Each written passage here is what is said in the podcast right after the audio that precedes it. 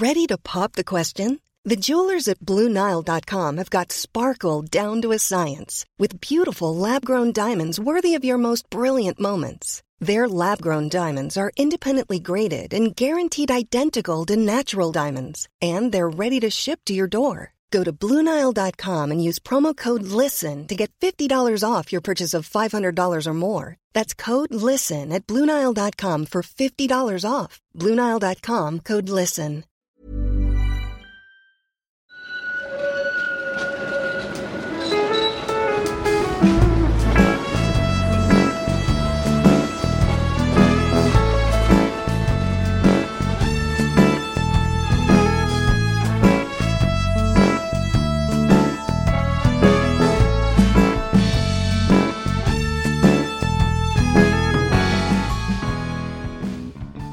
Hej och välkomna till Gator och torg i Göteborg, en podcast om platser i Göteborg. Jag heter som vanligt Mattias Axelsson. Normalt sett så brukar ni ju höra mig som någon typ av expert i podden, men i dagens avsnitt så har jag tagit mig till Sprängkullsgatan för att titta in på Håkan Törns kontor. Håkan Törn som är professor i sociologi. Hej! Hej! Och du och jag, vi ska djupdyka och prata om Haga i allmänhet och Hagahuset i synnerhet och kanske ännu mer specifikt själva ockupationen av Hagahuset 1972. Det är det som är ämnet för dagens podd. Och innan vi kommer in på historien om detta så ska jag som vanligt passa på att påminna er om att bli månadsgivare på patreon.com gator och torg i Göteborg. Om ni vill stötta podden samt gå in på vårt Instagram-konto om ni vill se bilder som vi ska lägga upp från Haga och Hagahuset och ockupationen. Och Håkan, vi sitter ju här i Haga på ditt kontor. Ja. Vad har du för relation till Haga egentligen? Jag är ju född och uppvuxen i Göteborg. Ehm, så jag var ju faktiskt med på den tiden eh, när Haga såg ganska annorlunda ut eh, jämfört med idag. Ja. Eh, alltså på 80-talet rörde jag mig ganska mycket i, i Haga. Då var jag i 20-årsåldern och det Ja. hände väldigt mycket spännande saker här. Så du har sett den här förvandlingen av Haga från 70-talet fram tills idag? Ja, och jag flyttade ju liksom in i det här kontoret redan 1991 Mm. faktiskt. Så du, du har verkligen varit med i, i Haga och liksom sett den här förvandlingen och förändringen. Ja. Men du sitter ju här då, du har ju ditt kontor i, i Haga. Vad är Haga idag för typ av stadsdel? När vi skulle liksom beskriva Haga som stadsdel idag, 2023. Ja, man skulle ju faktiskt kunna börja med att säga att det är eh, en av de eh, tre topp turistattraktionerna Mm. i, eh, i Göteborg. Kommer du till Landvetter så får du en broschyr där liksom, Mm. som presenterar Haga och det är en sån stark kontrast till hur det var på 70-talet. Mm. Ja, det, Men- där har det verkligen hänt någonting Ja, med bilden av Haga. Alltså. Det fanns faktiskt eh, eh, Hyresgästföreningens eh, tidning beskrev eh, Haga som Sveriges värsta slum. Mm. Det skulle nog inte Hyresgästföreningens tidning göra idag. Nej. Och, äh, nej, men det där är ju superintressant, för går man i Haga idag, vi har ju alltså de här eh, lite anakronistiska skyltarna Cozy Shopping since 1647 är det väl det står. Eh, och man försöker liksom anknyta till det här historiska, att Haga varit.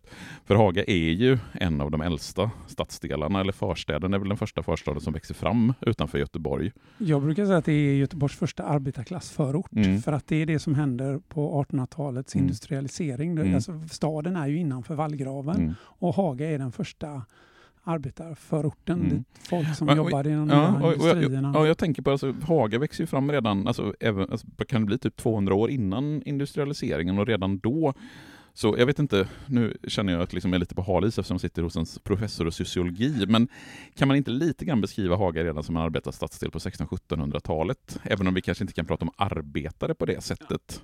Ja, alltså, man, alltså egentligen så växte ju Haga fram eh, lite kopplat till eh, byggandet av eh, Skansen Krona. Mm.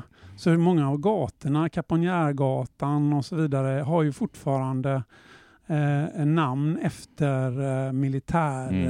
Eh, eh, att militären slog sig ner här, Mm. skulle jag säga. Mm. Men absolut att, eh, att Haga var en plats eh, där eh, inte direkt välbeställda Ja, det, var, människor det, var liksom inte, det var inte stadens elit som bodde i Haga. Nej, utan det de var bodde- inte cozy shopping, en fika since 1648 kan jag säga. Det, det jag brukar alltid säga så här att eh, de första 300 åren var det nog så att folk inte hade råd med cozy shopping och fika.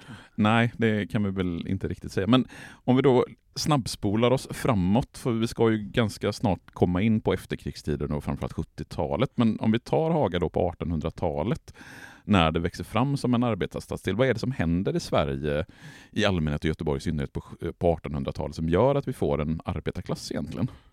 Ja, nej, men det är ju liksom att kapitalismen etableras i Sverige eh, och med den indust- industrialiseringen och urbaniseringen och här i Göteborg då så har vi ju en hamn som blir väldigt viktig för hela Sverige. Eh, och så att det behövs mycket arbetskraft till de nya industrierna och till hamnen och eh, så att eh, Eh, under ett antal decennier eh, på 1800-talet så, så, så eh, mer eller mindre fördubblas eh, ha, Hagas befolkning eh, nästan decennievis. Eh, och, eh, och, och, och, och där börjar liksom den moderna historien här i Göteborg kan man säga. Hiring for your small business? If you're not looking for professionals on LinkedIn, you're looking in the wrong place. That's like looking for your car keys in a fish tank.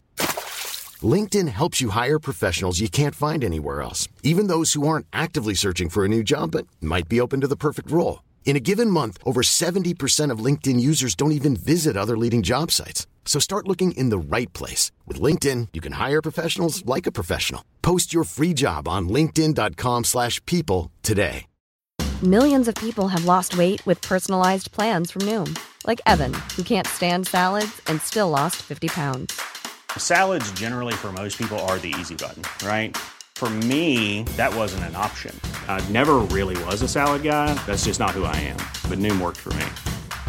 Get your personalized plan today at Noom.com. Real Noom user compensated to provide their story. In four weeks, the typical Noom user can expect to lose one to two pounds per week. Individual results may vary. Och då är det då arbetarklassen som bosätter sig i Haga. Ja. Den framväxande arbetarklassen som då kommer från landsbygden runt omkring flyttar in till storstaden Göteborg för det är här jobben finns Precis. i industrierna.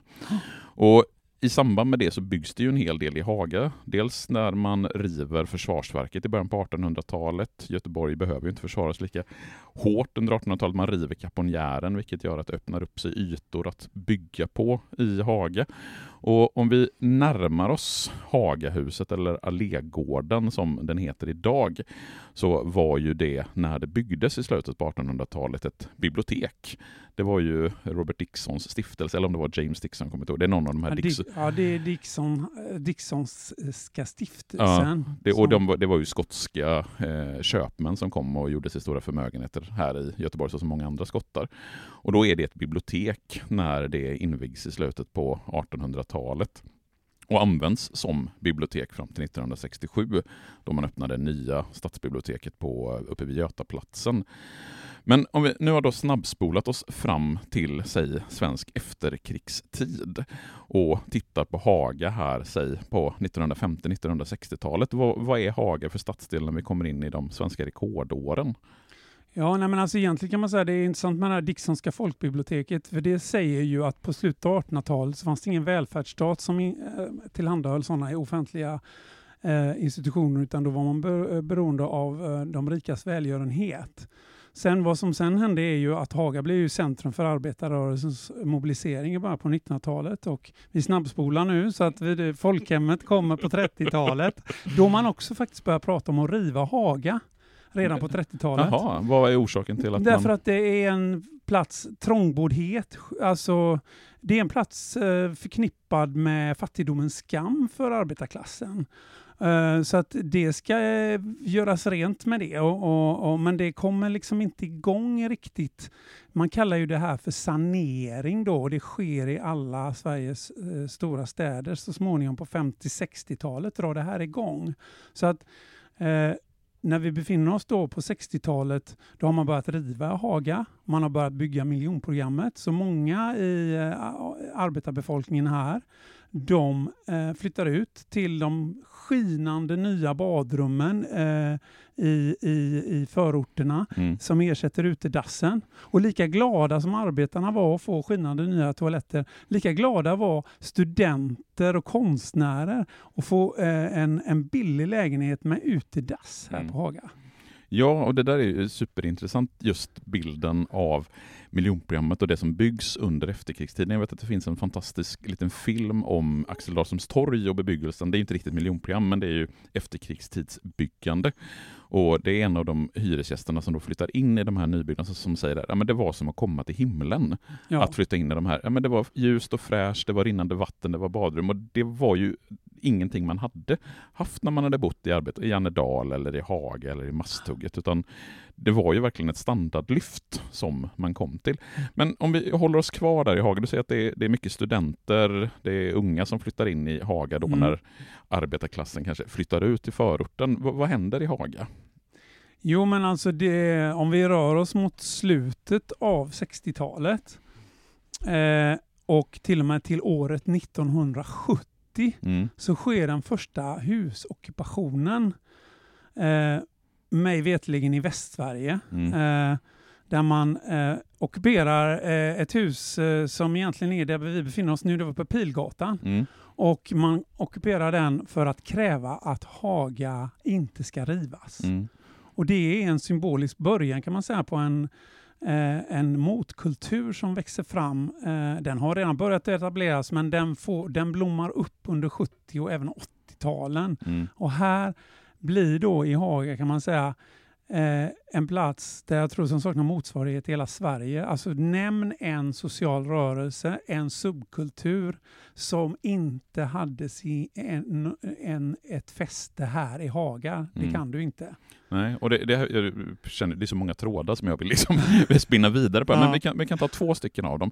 Eh, Det första, vi har redan varit inne på det här med rivningarna som man börjar liksom prata om på 30-talet och sen kommer det då som kallas för citysaneringarna under efterkrigstiden. Om vi börjar med den tråden. Ja. Hur på, vad, vad är det som händer i Haga? Just för jag vet att jag, i tidigare poddar så har jag pratat mycket om vad som händer i Masthugget och vad som händer i Östra Nordsjön och så. Men vad är det som händer specifikt i Haga när vi pratar citysaneringar?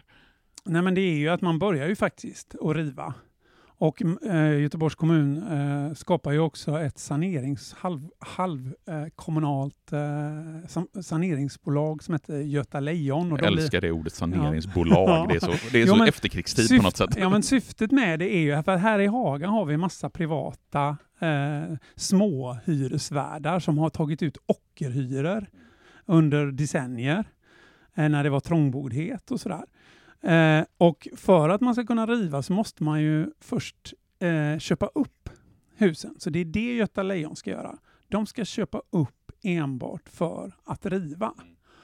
Och eh, man kan ju säga så här, en eh, historia som går är ju att det brann ovanligt ofta här i Haga. Mm. Och eh, aktivisterna gick ju brandvakt här. Och det fanns ju då historier i alla fall om att det fanns en del fastighetsvärdar som gärna sålde till Göta Lejon och ville påskynda den eh, eh kassainkomsten så att säga. Så om huset brann så ja, då fick man ju in cashen direkt. Mm. Så att. Det vet, kan vi inte verifiera kanske men eh, det är Men en bra historia. Bra en historia är det. Mm. Mm. Så det är den ena tråden som jag tänkte var, eh, som är intressant. Den andra tråden, du nämnde det här, sociala rörelser och subkulturer. Jag vet inte om alla våra lyssnare är liksom bekanta med de begreppen. Vad, vad är en social rörelse? Vad är en subkultur när vi kommer in här under efterkrigstiden?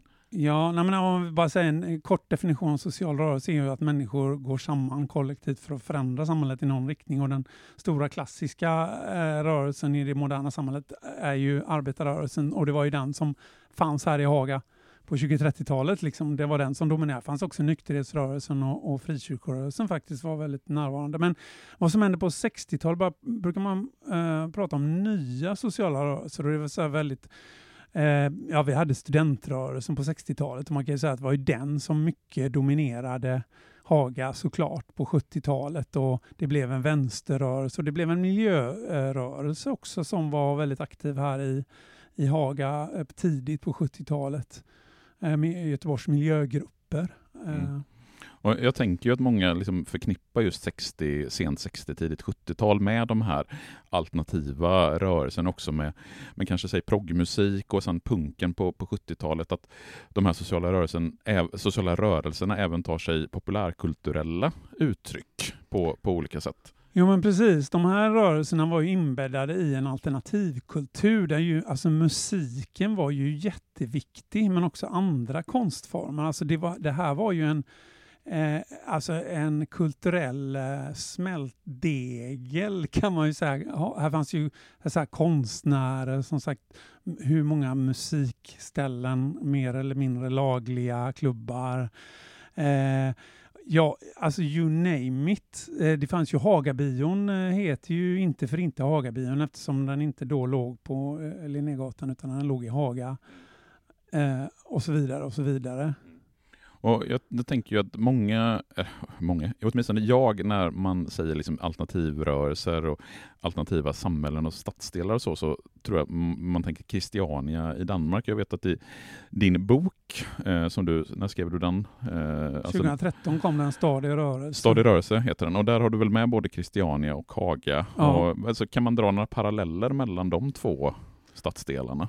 Ja, det kan man säga för att den här liksom politiska organiseringen eh, och motståndet som börjar här i Haga börjar ungefär samtidigt, då början på 70 som Christiania börjar. Och Christiania är ju lite motsvarande, att det blir också en sån här plats för alla andra rörelser och subkulturer. Och det fanns faktiskt också kontakter mellan Christiania och Haga, alltså aktivister som åkte och hälsade på varandra Eh, och det, de bildade faktiskt 77 en slags förening för fristäder i eh, Skandinavien.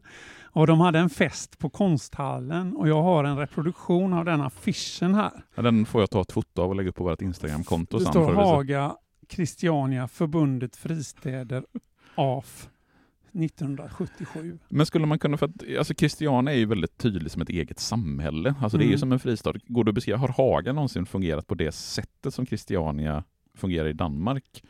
Alltså inte riktigt eftersom Christiania, det var en gammal militärförlängning och så kom det tusen personer dit för att grunda en, ett alternativsamhälle. Här var ju en liten blandning av människor. Alltså, det var ju inte bara ungdomar och konstnärer, det var ju eh, många människor som befann sig i folk folkhemmets marginaler. Det vi kallar det socialgrupp 4 pratade vi om mm -hmm. på, på, på 70-talet. Mm. Det var ju liksom den sociala gruppen som var under arbetarklassen, alltså där det finns missbrukare mm. och, och så vidare. Någon typ av Men, trasproletariat nästan ja, i den typen av Absolut. Liksom. Så det var, det var, jag brukar säga att all, det, det, det är liksom, Haga blir en samlingsplats för alla som inte riktigt kände sig hemma mm. i folkhemmet. Mm. Och om man då zoomar in specifikt på Hagahuset och det huset vi pratar om när vi pratar om Hagahuset för att alla ska vara med på det. Det är ju det huset som då var det Dicksonska folkbiblioteket fram till 67 och som idag heter Allégården och som ligger längs med Södra Allégatan eh, på ett Kaponjärsgatan är väl på ena sidan och sen kommer jag inte ihåg den andra. Men det, det, är väldigt typiskt. Man ser huset. Det är ju byggt i slutet på 1800-talet.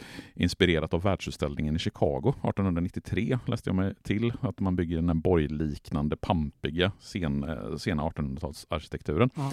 Men då flyttar biblioteket ut 67 och sen så kom vi fram till att det blir någon typ av allaktivitetshus i början på 70-talet. Och, och, vad, är ett alla, eller vad var ett allaktivitetshus här? Jo, men då tror jag man, om man tänker på det här då, att, eh, som vi pratade om alldeles nyss, att, att det var mycket som rörde sig på 60-talet. Man kan säga att de, liksom de första 20 åren efter andra världskriget var det ganska stillsamt i Sverige, liksom på något sätt. Mm. Det kanske ett och annat eh, ungdomsupplopp, men inte särskilt mycket. Alltså till och med idag skulle jag säga att det är en stark kontrast. Alltså mm. Alltså att, att det finns det är demonstrationer och det är folk på gatorna. Och, och på något sätt på 60-talet så ändrades ju det här. Plötsligt så drev massor av ungdomar omkring på stan eh, de centrala stadsdelarna och det var ungdomskravaller på Götaplatsen och det var protester mot Vietnam och det var också droger, förutom alkohol. Och då eh, kände ju myndigheterna då att de behövde få någon slags koll på det här och man hade ju haft fritidsgårdar så ute i förorter och så, så man, man skapade kan man säga en slags eh, fritidsgård i centrum. Och det fanns då i Lund, Stockholm, Göteborg och eh, i Göteborg så började det på Avenyn faktiskt med ett ställe som hette Avenyn 18 1969 men det stängdes ganska snabbt och sen öppnades Hagahuset som allaktivitetshus 70 då. Mm. Och om, man ska liksom, om du tar oss till Hagahuset på 70-talet, liksom, vad är det för ställe? Vad är det för människor som är där? Vad, ja, om vi ska beskriva det? Vad... Ja, nej, men man, man kan säga så här, liksom, som jag sa förut, då, att det var alla möjliga människor som rörde sig i Haga. Det var inte bara ungdomar. Så att säga, och, och, och, um, och det var inte en ungdomsgård heller, utan det var ju alla människor då på något sätt som, som kanske inte alltid hade ett självklart hem eh, i många av de betydelserna. Så att säga. Eh, så att, eh, och så drevs jag kommunen då. Eh, och vi ska komma in på ockupationen alldeles strax, men ja, det finns ett fantastiskt eh, dokument för att det är en av eh, eh en man som hette Lars Karlsson, han jobbade på socialförvaltningen. Och han gjorde, liksom, han skrev, de gjorde ett litet blad som hette Fakta om Hagahuset. Och då gjorde han en liten kategorisering så av de människorna som, som hängde där på dagar och kvällar. Jag tänkte att jag får citera ja, det. Gör kanske. det, gör det. Eh, då börjar vi med grupp nummer ett, ätarna. Äldre gubbar och studerande som besöker huset på dagtid. Två, gubbarna, alkoholskadade som vistas på huset både dag och kvällstid. Det är inte mina ord här. Nej, nej, det, det, är ett citat, det är ett citat, det är ett citat. Tre, de oroliga, störda ungdomar som vistas i huset på kvällstid. De har bara tre intressen. Ett öl, två knark, tre brudar. De är passiva och initiativlösa. Fyra, sveparna, den intellektuella vänstern kulturkonsumenter som inte beblandar sig med grupp 2 och 3. Mm. Mm. Så har vi nummer 5, de aktiva. Politiskt aktiva som lagt beslag på aktiviteter och möten. 6. Samhällsfrågeintresserade saknar definition. 7. Den sista gruppen. Mm. Kuratorsgrupperna de grupper som står under kuratorsavdelningens uppsikt. Jag mm. tycker det ger en väldigt fin bild. Ja, och man kan ju någonstans skratta åt de här formuleringarna som är rätt daterade, flera av dem. Men, men skulle du säga, är det här en, en, rimlig beskrivning av vad det var för folk som faktiskt var på Hagahuset på 70-talet? Ja, det, jag har ju läst en hel del dokument eh, kring eh, Hagahuset och, och jag skulle nog säga att det är liksom en tillspetsad mm. men, men ganska eh, korrekt återgiven beskrivning av, uh, av uh, vilka som rörde sig där. Sen, sen, om vi då kommer in på uh, själva stängningen och mm. ockupationen så blev det, kan man ju säga att det var ju mer och mer så kanske att de politiska aktivisterna tog initiativet. Mm. men eh, dessförinnan så hade nog Hagahuset redan väckt anstöt hos eh, alltså stadens etablissemang, det vill säga Göteborgs-Posten och mm. eh, delar av kommunfullmäktige, det var folkpartistiskt ordförandeskap mm. där. Så att, så att första gången man stänger Hagahuset eh, är 71 och då är det för att det har varit någon teaterföreställning där någon man har varit naken. Mm. Och det är någon kvinna som har anmält att hennes 12-årige son har hamnat i slagsmål. Mm. Eh, och sen så eh, blir det eh, 72 så stänger personalen själva eh, under en tid och sen öppnar man igen. Och då blir det ganska mycket debatt om vad som händer då. Då börjar man ju prata om att det är mycket droger, men också om att man anser att eh, att politiska aktivister har tagit över. Mm. Finns det någon, liksom, någon, eh, stämmer det att, liksom, att politiska aktivister hade tagit över? För jag tänker ju, åtminstone min bild är ju att det är ett väldigt starkt vänsterfäste i Göteborg ja. på 1970-talet. Jo, men jag, jag, jag skulle säga att det, så är det. Och, och, även, det blir ju så att eh, Hagahuset ockuperas ju två gånger. Mm. Och, eh, Eh, Eh, och, och, eh, personalen var ju med på det. Så att personalen och eh, de mer politiskt aktiva ungdomarna är ju de som driver det här. Men, men ehm, det är ändå intressant. Jag har tittat lite på debatten som försiggick i Göteborgspressen och det var ju arbetet då som försvarade Hagahuset och, och Den social, socialdemokratiska Ja, tidningen. precis. Och, och, där, och där var det först var det liksom att man sa att man stängde det på grund av att det varit så mycket droger. Men när jag tittar liksom i kommunfullmäktiges protokoll och så, då ser man ju ändå att ja, det finns en folkpartist som beskriver i det här att ja, men här har ju vänsteraktivister tagit över. Men jag har också gått igenom programmen eh, som eh, eh, som finns bevarade över vad som faktiskt eh, kunde hända Mm. på, eh, på, på, på Hagahuset då. Och det var en otrolig mångfald av saker. Alltså det var inte bara eh, vänstergrupper som ehm, Det var inte bara politisk propaganda utan det var även Nej, andra nej. typer av kulturverksamhet i, i Hagahuset. Ska jag göra lite dagsblock Ja, här? kör. Kör för men alltså, sjutton, det så vi får en bild av alltså, det. Fotoreportage från New York, Guinea-Bissau, Chile och Kina. Eh, eh, en annan utställning mot, militarisi- mot militarismen, men också eh, USA utöver Vietnam såklart då, men Jesus Kristi kyrka, mormonerna och sen fanns det filmer, Den andalusiska hunden. Eh, och det fanns eh, andra filmer som hade titlar som Tantra, Kolonialismen i Afrika, Apollo 14, Man in Space. Men, och det, och eh, faktiskt ett flertal eh, religiösa grupper som fick presentera sig. Eh, Scientologerna, Jesusfolket, Nya kyrkans bekännare, eh, transcendental meditation Mm. och, och även Liberala klubben och Moderaternas ungdomsförbund och Demokratisk allians som var slags föregångare till Sverigedemokraterna ska jag säga, som Mm. hade presenterat sig. Sen tror jag då, som en folkpartist kommenterar, att när de här eh, senare nämnda kom dit så Mm. fick de rätt mycket bassning. Ja, det kan jag tänka mig att en, en, en moderat eller en från Demokratiska Mm, Allians kanske mm. inte riktigt välkomnades som Ja, det- vän i huset. För det här var ju, nu är det ju vänsterrörelsens liksom eh, tid Mm. bland unga människor. I, Ja, och, jag tänker ju att Hagahuset är ju ett vänster, alltså det är ju Mm. en väldigt tydligt vänsterfäste, även om det kanske inte är bara politisk agitation, så, så har ju den alternativa vänsterrörelsen sitt, sitt väldigt starka fäste i Hagahuset på 70-talet.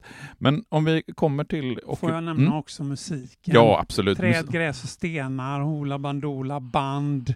Eh, eh, ja, alltså you name it. I Den progressiva miljö, eh, musikrörelsen. Du kan, du kan ta hela progghits-samlingen, alla tre skivor, och så tar du och så listar. Förmodligen har alla spelat det där i något sammanhang. Absolut, det, det tror jag. För det var ju, ja.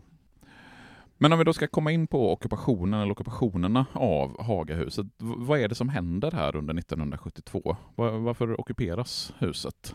Ja, det, det är väldigt många turer här och det är Mm. väldigt så här, så vi kan inte gå in på för mycket detaljer. Men det sker en del sådana här skandalreportage Mm. och det blir upprörda debatter. Och eh, då så får Hagahuset indragna anslag Mm. och då stänger personalen själva eh, under en period eh, i, i eh, I någon form av protest då? Ja, eller? Mm. Och dessutom då så under sommaren där så lyfte socialförvaltningen ut en artikel ur Hagahusets bulletin då Mm. som innehöll kritik mot ledningen. Och det var en av de eh, tändande gnistorna då Mm. i den här liksom eskalerande konflikten då. eh, Som ledde till att när den väl hade öppnats efter att personalen själv hade stängt Mm. då, så, så, så, så tog det bara en, en, eh, en vecka innan den stängdes igen. Mm. Eh, I oktober var detta och denna gången av kommunen och nu avskedas personalen. Så när vi kommer fram till oktober 1972 så Ja. bestämmer kommunen att nu ska det här Hagahuset stängas. Ja, Personalen sa bort. ja precis. Mm. Och på detta följer då eh, två ockupationer. Mm. Och det är ju då att alltså stängningen motiveras ju då av kommunen eh, att personalen har brutit mot reglerna då som föreskrivits. Finns det inte någon knarkhistoria så att man, att brukat, eller att man använt knark inne på Hagahuset? Jo, jo, men absolut. Det är ju det som också de här skandalreportagen. Och sen fanns ju en föreståndare som hette Folke Edwards, eh, som många känner till. Eh, Mm. och han medgav då i en offentlig debatt att han hade rökt hasch. Vilket ju ledde till att han så småningom blev avskedad då Mm. och massa nya skan- skandalreportage. Eh, men i alla fall, eh, i aktivisternas egen tidning då så, så ifrågasatte man det här skälet att eh, att liksom, till stängningen då, att det hade med droger att göra, att det verkliga skälet var politiskt då. Mm. Eh, och eh, ja, nej, som sagt, vi kan liksom inte gå in på alla detaljer, men vad som hände där är liksom att det ockuperas och så, så eh, avslutas den ockupationen. Det, poliser kommer ju dit Mm. och sen sker, sker det ytterligare en ockupation. Och, och där, alltså där sker det ju liksom lite litet, litet gatuslag Mm. utanför på, på Allégatan där det talas om att även eh, raggare kommer för att hjälpa polisen Mm. och försöker ta sig in medelst eh, yxor. Mm. Och eh, jag kan ju eh, rekommendera eh, tv-serien Upp till Mm. kamp, för där är det ett avsnitt som handlar om ockupationen av Mm. Hagahuset. Och den är väldigt historiskt korrekt. Mm. Det var eh, den eh, ehm, Hannes Råstam, Mm. som ju inte längre lever, som hade gjort researchen där. Och har han gjort research då kan vi vara ganska Ja, säkra på att jag den stämmer. gjorde nämligen min forskning samtidigt Ah, och jag okej. satt och tittade på tv och hade varit i Hagahuset, eh, alltså det ark arkivet. Mm. Och då hör jag liksom hur manus låter precis som ett av de dokumenten som jag hade hittat där. Ja.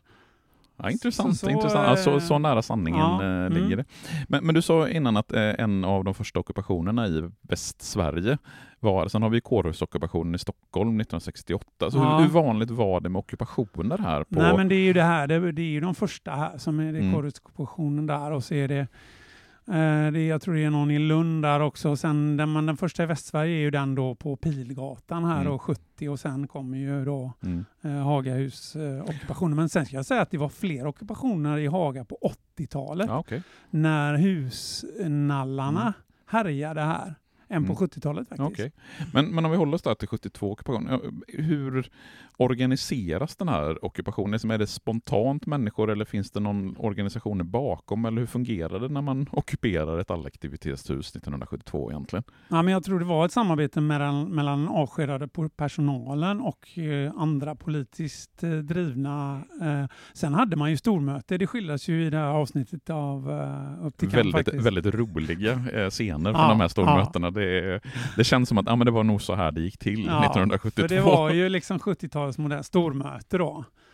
Eh, sen, sen har det ju liksom diskuterats senast stormöten kanske inte alltid var så demokratiska för det Nej, var det- alltid vissa som det kan man ju verkligen gå in och diskutera. Det. dominerade där. Men Jo, det är en annan diskussion. Det är en annan diskussion definitivt. Men vad, vad händer? De ockuperar personal och aktivister ockuperar huset. Det blir Mm. slagsmål med polisen. Mm. Vad blir själva resultatet av de här ockupationerna? Ja, men för det första så polisen evakuerar ju eh, demonstranterna, men, men eh, sen är det ju ganska intressant vad som händer sen. För att, och det här liksom speglar ju lite folkhemmets lite så här konsensuskultur som fanns. Vad gjorde kommunen? Jo, de skickade dit eh, någon som eh, började prata med aktivisterna och sa att eh, skulle ni, om ni vill, vi kanske kan fixa andra lokaler här i, i, i, i Känns Haga. väldigt svenskt eh, Ja, efterkrigstid Men ni 70-tal. måste bilda en förening och den måste vara drogfri enligt stadgarna. Ännu alltså mera- ännu mera svenskt. Ja, ja. Och det, det hände ju då. Så att eh, det blev ju den, eh, eh, det som kallades Sprängkullen Mm. på, på, på Sprängkullsgatan. Och då slänger vi oss ett långt stenkast från eh, Hagahuset hit till Sprängkullsgatan. Ja, precis. vad var det som hände här när eh, den startade upp? Jo, nej, men det blev ju så säga, den progressiva rörelsens centrum i Göteborg och ett av de centrala i, i Sverige. Högst upp fanns ju en gammal, ett gammalt danshak som blev ju musikscenen där. Men sen var det ju också i våningarna där under fanns det ju solidaritetsgrupper och konstnärer och replokaler och sådär. Men Alltså så här Nationalteatern, Nynning, alla de här banden, de hade ju sitt hem där kan man säga liksom. Alltså, och spelade där. Så det blev ju, Sprängkullen blev ju en, eh, alltså det hette ju ett musikhus i centrum egentligen, men den fick smeknamnet Sprängkullen. Mm. Och, och, och eh, Sprängkullen, den föreningen hade faktiskt 8000 medlemmar och det bodde ju bara typ så att jag tror det bodde 2500 personer i Mm. Hagaviten. Så att det visar på att det var en angelägenhet för unga människor i hela Göteborg. Och hur länge fanns den kvar? Eh, alltså någonstans i skiftet 70-80-tal så tas ju eh, Sprängkullen över eh, av punkarna Mm. från proggarna. Så att då blev det liksom skägg byttes mot blått hår och sådär. Eh, och så Garageligan eh, Mm. får ju sitt säte där och det är punkkonserter. Och eh, nu kommer jag inte ihåg exakt om det var 82 eller 83 som, som eh, eh, verksamheten upphör där då. Mm. För det skulle ju rivas. Mm. Och det, gjorde, och det, gjorde, det revs ju. Ja, och det är ju liksom någonting symptomatiskt här med att vi kommer in på 80-talet. Vi lämnar någonstans lite grann alternativrörelsen och den starka dominerande vänstern. För när vi kommer in på 80-talet, även om du säger att det är flera husockupationer i Haga under 80-talet, så skiftar ju någonstans politiken väldigt tydligt, både globalt och i Sverige under 80-talet. Vi får liksom nyliberalismen som kommer som en väldigt stark ideologi. Och, eh, vi får en annat, ett annat tänk kring ekonomi och även kring samhällsplanering och samhället överhuvudtaget. Vad händer med Haga när vi kommer in då liksom de sista årtiondena på 1900-talet? Ja, jag skulle bara egentligen vilja börja med att säga där att, att ändå Haga var liksom ändå eh, en plats där, man, där alla de som inte stämde in i den Det, här det nya var som tiden. Asterix och gallerna versus Ja. romarriket. det var ett sätt. motståndsfäste mot Ja, en, liten, en liten by. ja, precis. Så var det. Mm. Eh, men sen så eh, sker ju den eh, sista husockupationen på Landsvägsgatan 1990 Mm. och utryms då. Det är nästan så här symboliskt, liksom att då är ju ombyggnaden av Haga färdig mer Mm. eller mindre. Men då ska man ju komma ihåg då att ursprungligen så skulle hela Haga jämnas med marken. Men Hagagruppen som le- ledde motståndet blev ju framgångsrika i det avseendet att man lyckades få med hjälp av Länsstyrelsen också som förklarade att Haga var eh, alltså kultur, ett slags kulturminnes att det hade ett kulturminnesstatus. Mm. Eh, vilket gjorde då att kommunfullmäktige 84 tog ett beslut om att man skulle bygga om Haga snarare än att riva. Det var ju redan väldigt mycket rivet Mm. så att idag har vi det du ser idag. Det är ju till tre fjärdedelar ändå nya Mm. hus som ser ut lite som de gamla och Mm. tegelstenar och sådär men det är ändå inte samma tegelstenar för de har bytts ut. Mm. Så att, eh, så på något sätt så kan man ju säga att eh, en av aktivisterna som jag eh, intervjuade i Hagagruppen sa om kampen att eh, eh, aktionen lyckades men patienten dog. Mm. Vad menar han med det? Jo, aktionen lyckades för att eh, Haga räddades som stadsdel. Men patienten dog. Det betyder att det, befolkningen byttes ut. Alltså, eh, det gjordes faktiskt sociologiska undersökningar som visade att eh, eh, bara, eh, alltså, i den första stadsdelen, nybyggda kvarteret, så tror jag det var 4 procent som eh, bodde kvar. Alltså, Mm. De fick erbjudande om kontrakt, men Mm. det var för dyrt Mm. att bo kvar. Och eh, ja, men så att merparten av de som bodde i Haga på 70 80-talen byttes ut så att säga och det är det vi kallar för gentrifiering Mm. då. Så skulle man kunna säga att Haga är den mest gentrifierade stadsdelen i Göteborg? Mm, Ja, jag vet inte alltså om man ska säga hur mäter man det sådär. Ja, Det- är du som är professor. Det, du får svara på frågan. Är den inte det så är den inte det. nej, det. nej, men alltså det, det är en komplex när man studerar gentrifiering. Man måste, de har alltid sina lokala liksom, uttryck så här, Mm. liksom, för att befolkningen byttes ut och det, var det, det är det som är så definitionen Mm. på gentrifiering. Sen kan man ju säga att det är 70 procent tror jag det är någonstans som är allmännyttan Mm. fortfarande och, och hyrorna ligger ju liksom och medelinkomsterna ligger inte så där väldigt högt. Men däremot utbildningsnivån är ju Mm. extremt hög i Mm. Haga. Tillsammans med Askim har man flest disputerade tror jag i Mm. Göteborg. Så att eh, det sker ju någon slags, eh, alltså mycket kulturellt kapital Mm. snarare än ekonomiskt kapital.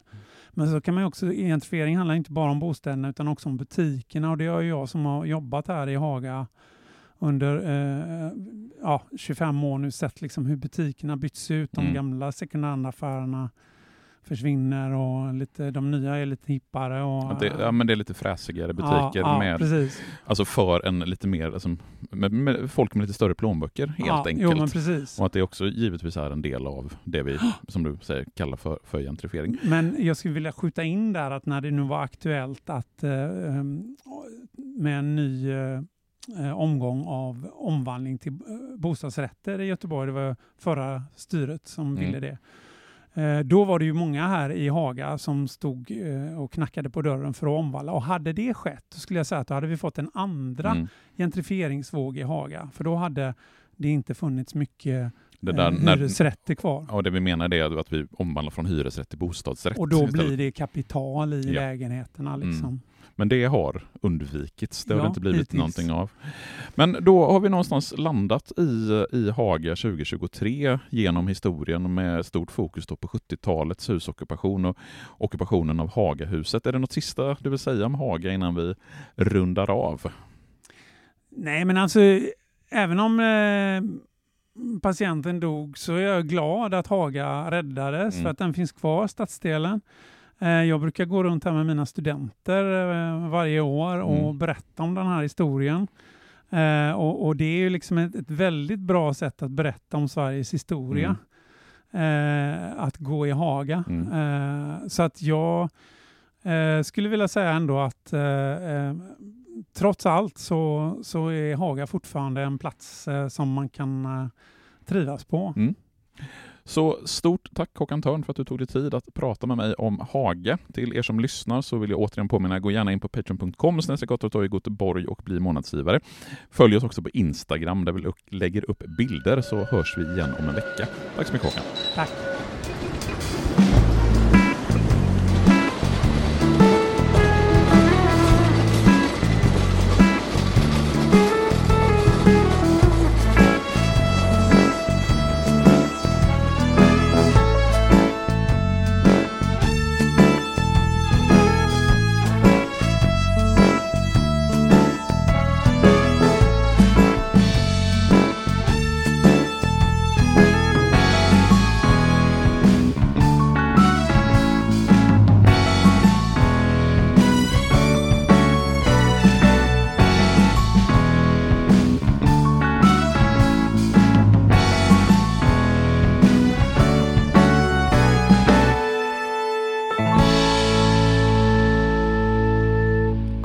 Torg i Göteborg produceras av Reostat Media AB.